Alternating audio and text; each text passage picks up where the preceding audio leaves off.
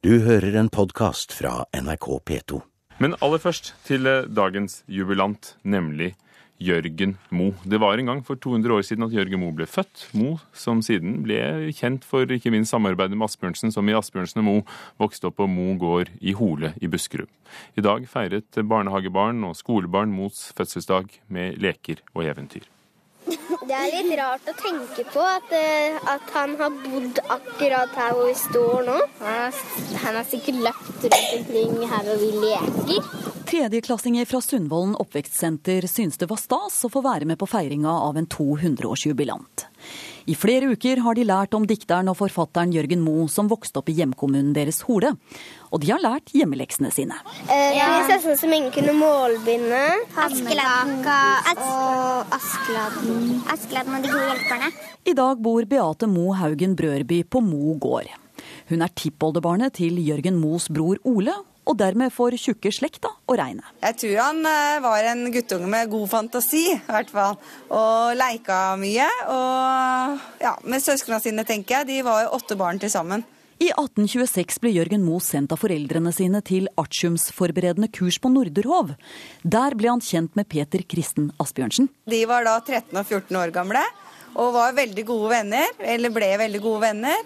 Og de ble så gode venner at etter en stund så sto de her på gården eh, i et syrinlisthus og skar eh, seg i hver sin finger og blanda blod og ble blodsbrødre. Og holdt det vennskapet resten av livet da? Ja, de var venner hele livet. De kunne være uenige om ting, men de var venner hele livet.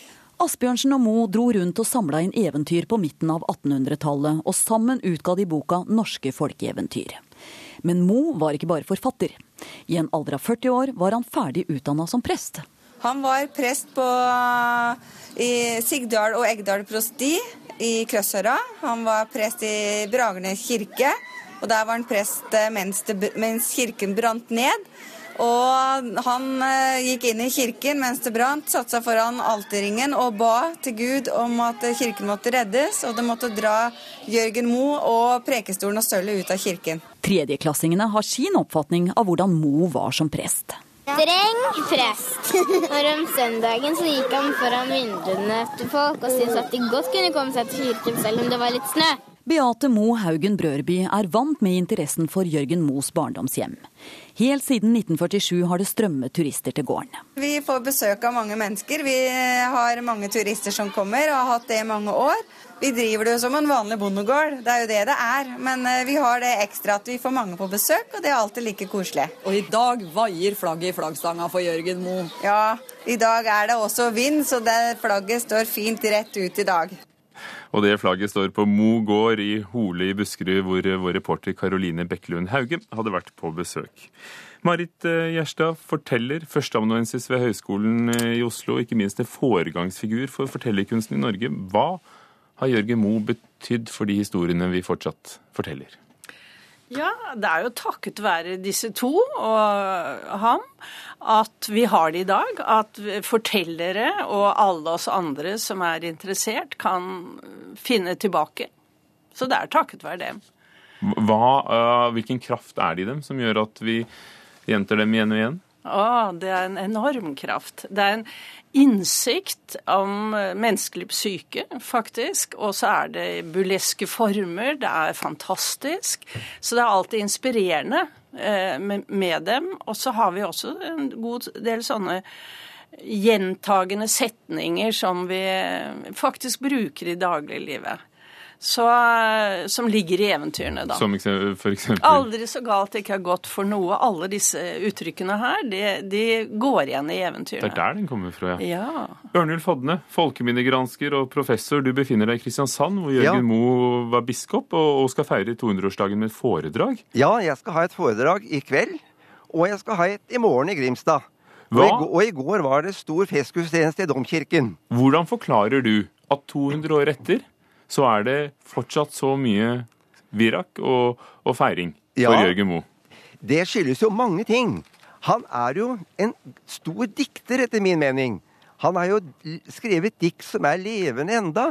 Det lysnet i skogen, Blomster-Ole, Fane i tullen og mange, mange andre. Og så skrev han jo Norges første barnebok for barn. Og det må vi ikke glemme. Den kommer nå i ny utgave, og den ble skrevet i 1851. Og er en klassiker i norsk litteraturhistorie. For han skrev både for barn og om barn. Ja, men nå må vi ikke gjøre dette med eventyr bare til barnelektyre. Fordi Jørgen Moe var en stor vitenskapsmann som var med i et nasjon, nasjonsbyggingsprosjekt.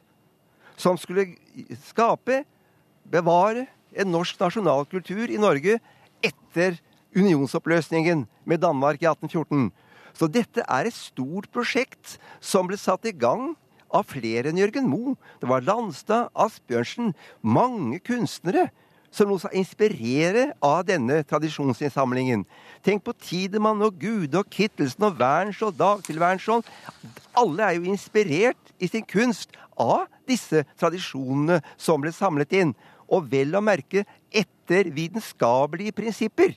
Ja, for jeg skulle til å spørre Ja. deg, Ørnulf Hodne. Ja, ja. I hvilken grad har da eh, disse andre, men da nå i dag spesielt Jørgen Moe, eh, laget et bilde og, eh, og diktet det opp som diktere? Og i hvilken grad er det, skal vi kalle det, slags fotografi av den tradisjonen han fant når han besøkte folk? Det var det siste Det er helt riktig.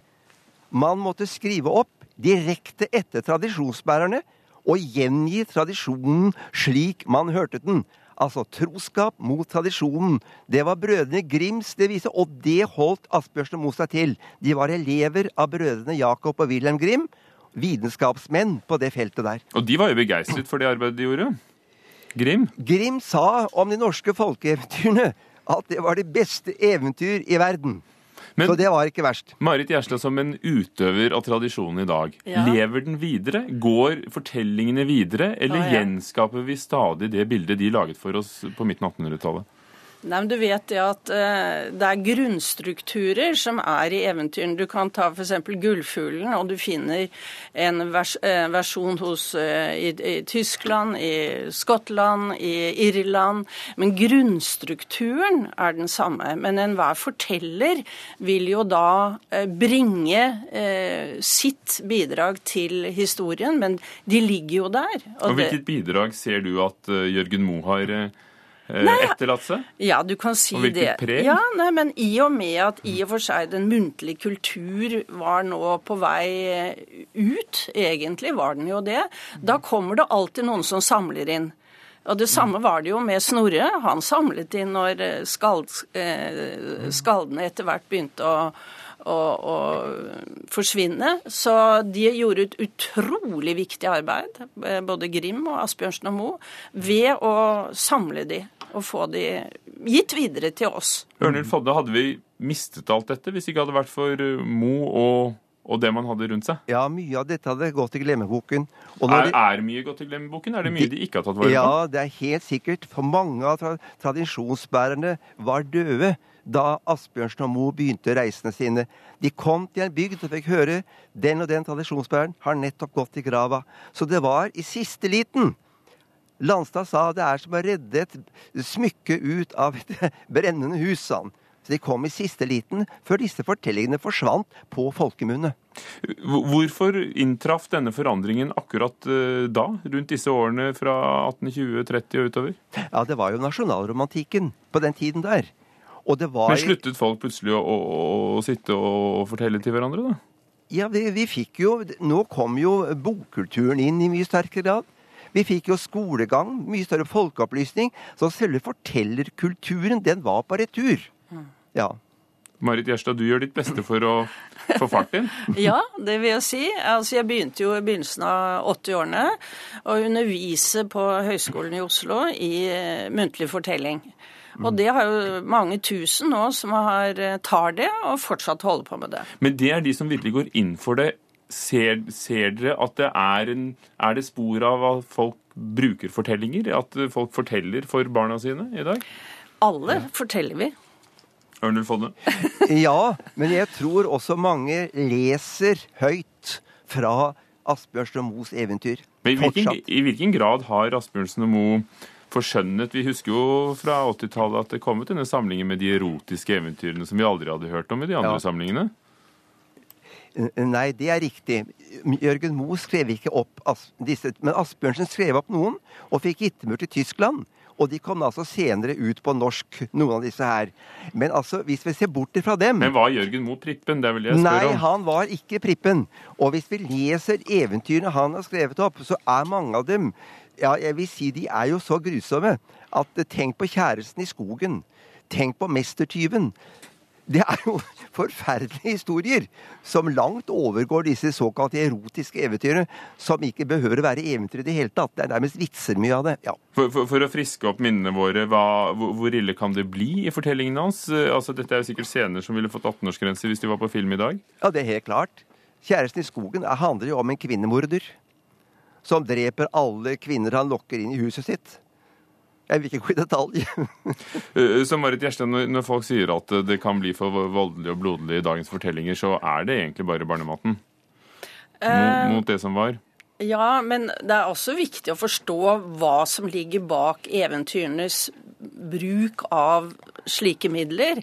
Altså, Jeg har jo hatt Dukketeatret av Rune ute på Hovedånd, og vi har satt opp disse store eventyrene nå i 41 år. Og da lar vi jo være å vise direkte grusomheter. Men det er, det er mye Det kan jeg faktisk ikke gå inn på nå, men det er veldig mye å forstå rundt det, da. Det er ikke, Hvilken hensikt Ørnulf Hodne, har, har grusomhetene? Ja, en del av disse eventyrene har jo en veldig sterk sosial satire. De går til angrep på øvrighetspersoner. Klokkerne i bygda vår, f.eks.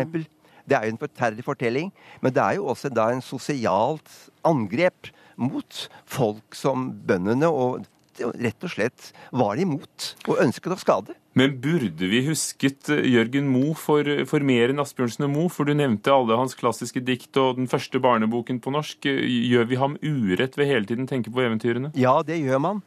Han er en av de første som samler inn norske folkeviser. Han gir ut den første norske folkevisesamlingen i 1840. Den er ikke bare folkeviser, litt av hvert annet òg. Og han skrev opp Draumkveet, en av de første. Han har skrevet flere avhandlinger om, e- om, både om eventyr og folkeviser. Han er den første som skriver opp barneleker. Så han har et videre spekter enn bare dette med eventyr. Ja. Ta, og, og, og takket være deg, Ørnulf Fonde, folkeminnegransker og, og, og professor, så ble vi minnet om uh, noe av det spekteret. Du er altså i Kristiansand for å feire Ja. med et foredrag 200-årsdagen til Jørgen Moe og Marit Gjerstad, forteller. Takk for at du også kom til Kulturnytt. Du har hørt en podkast fra NRK P2.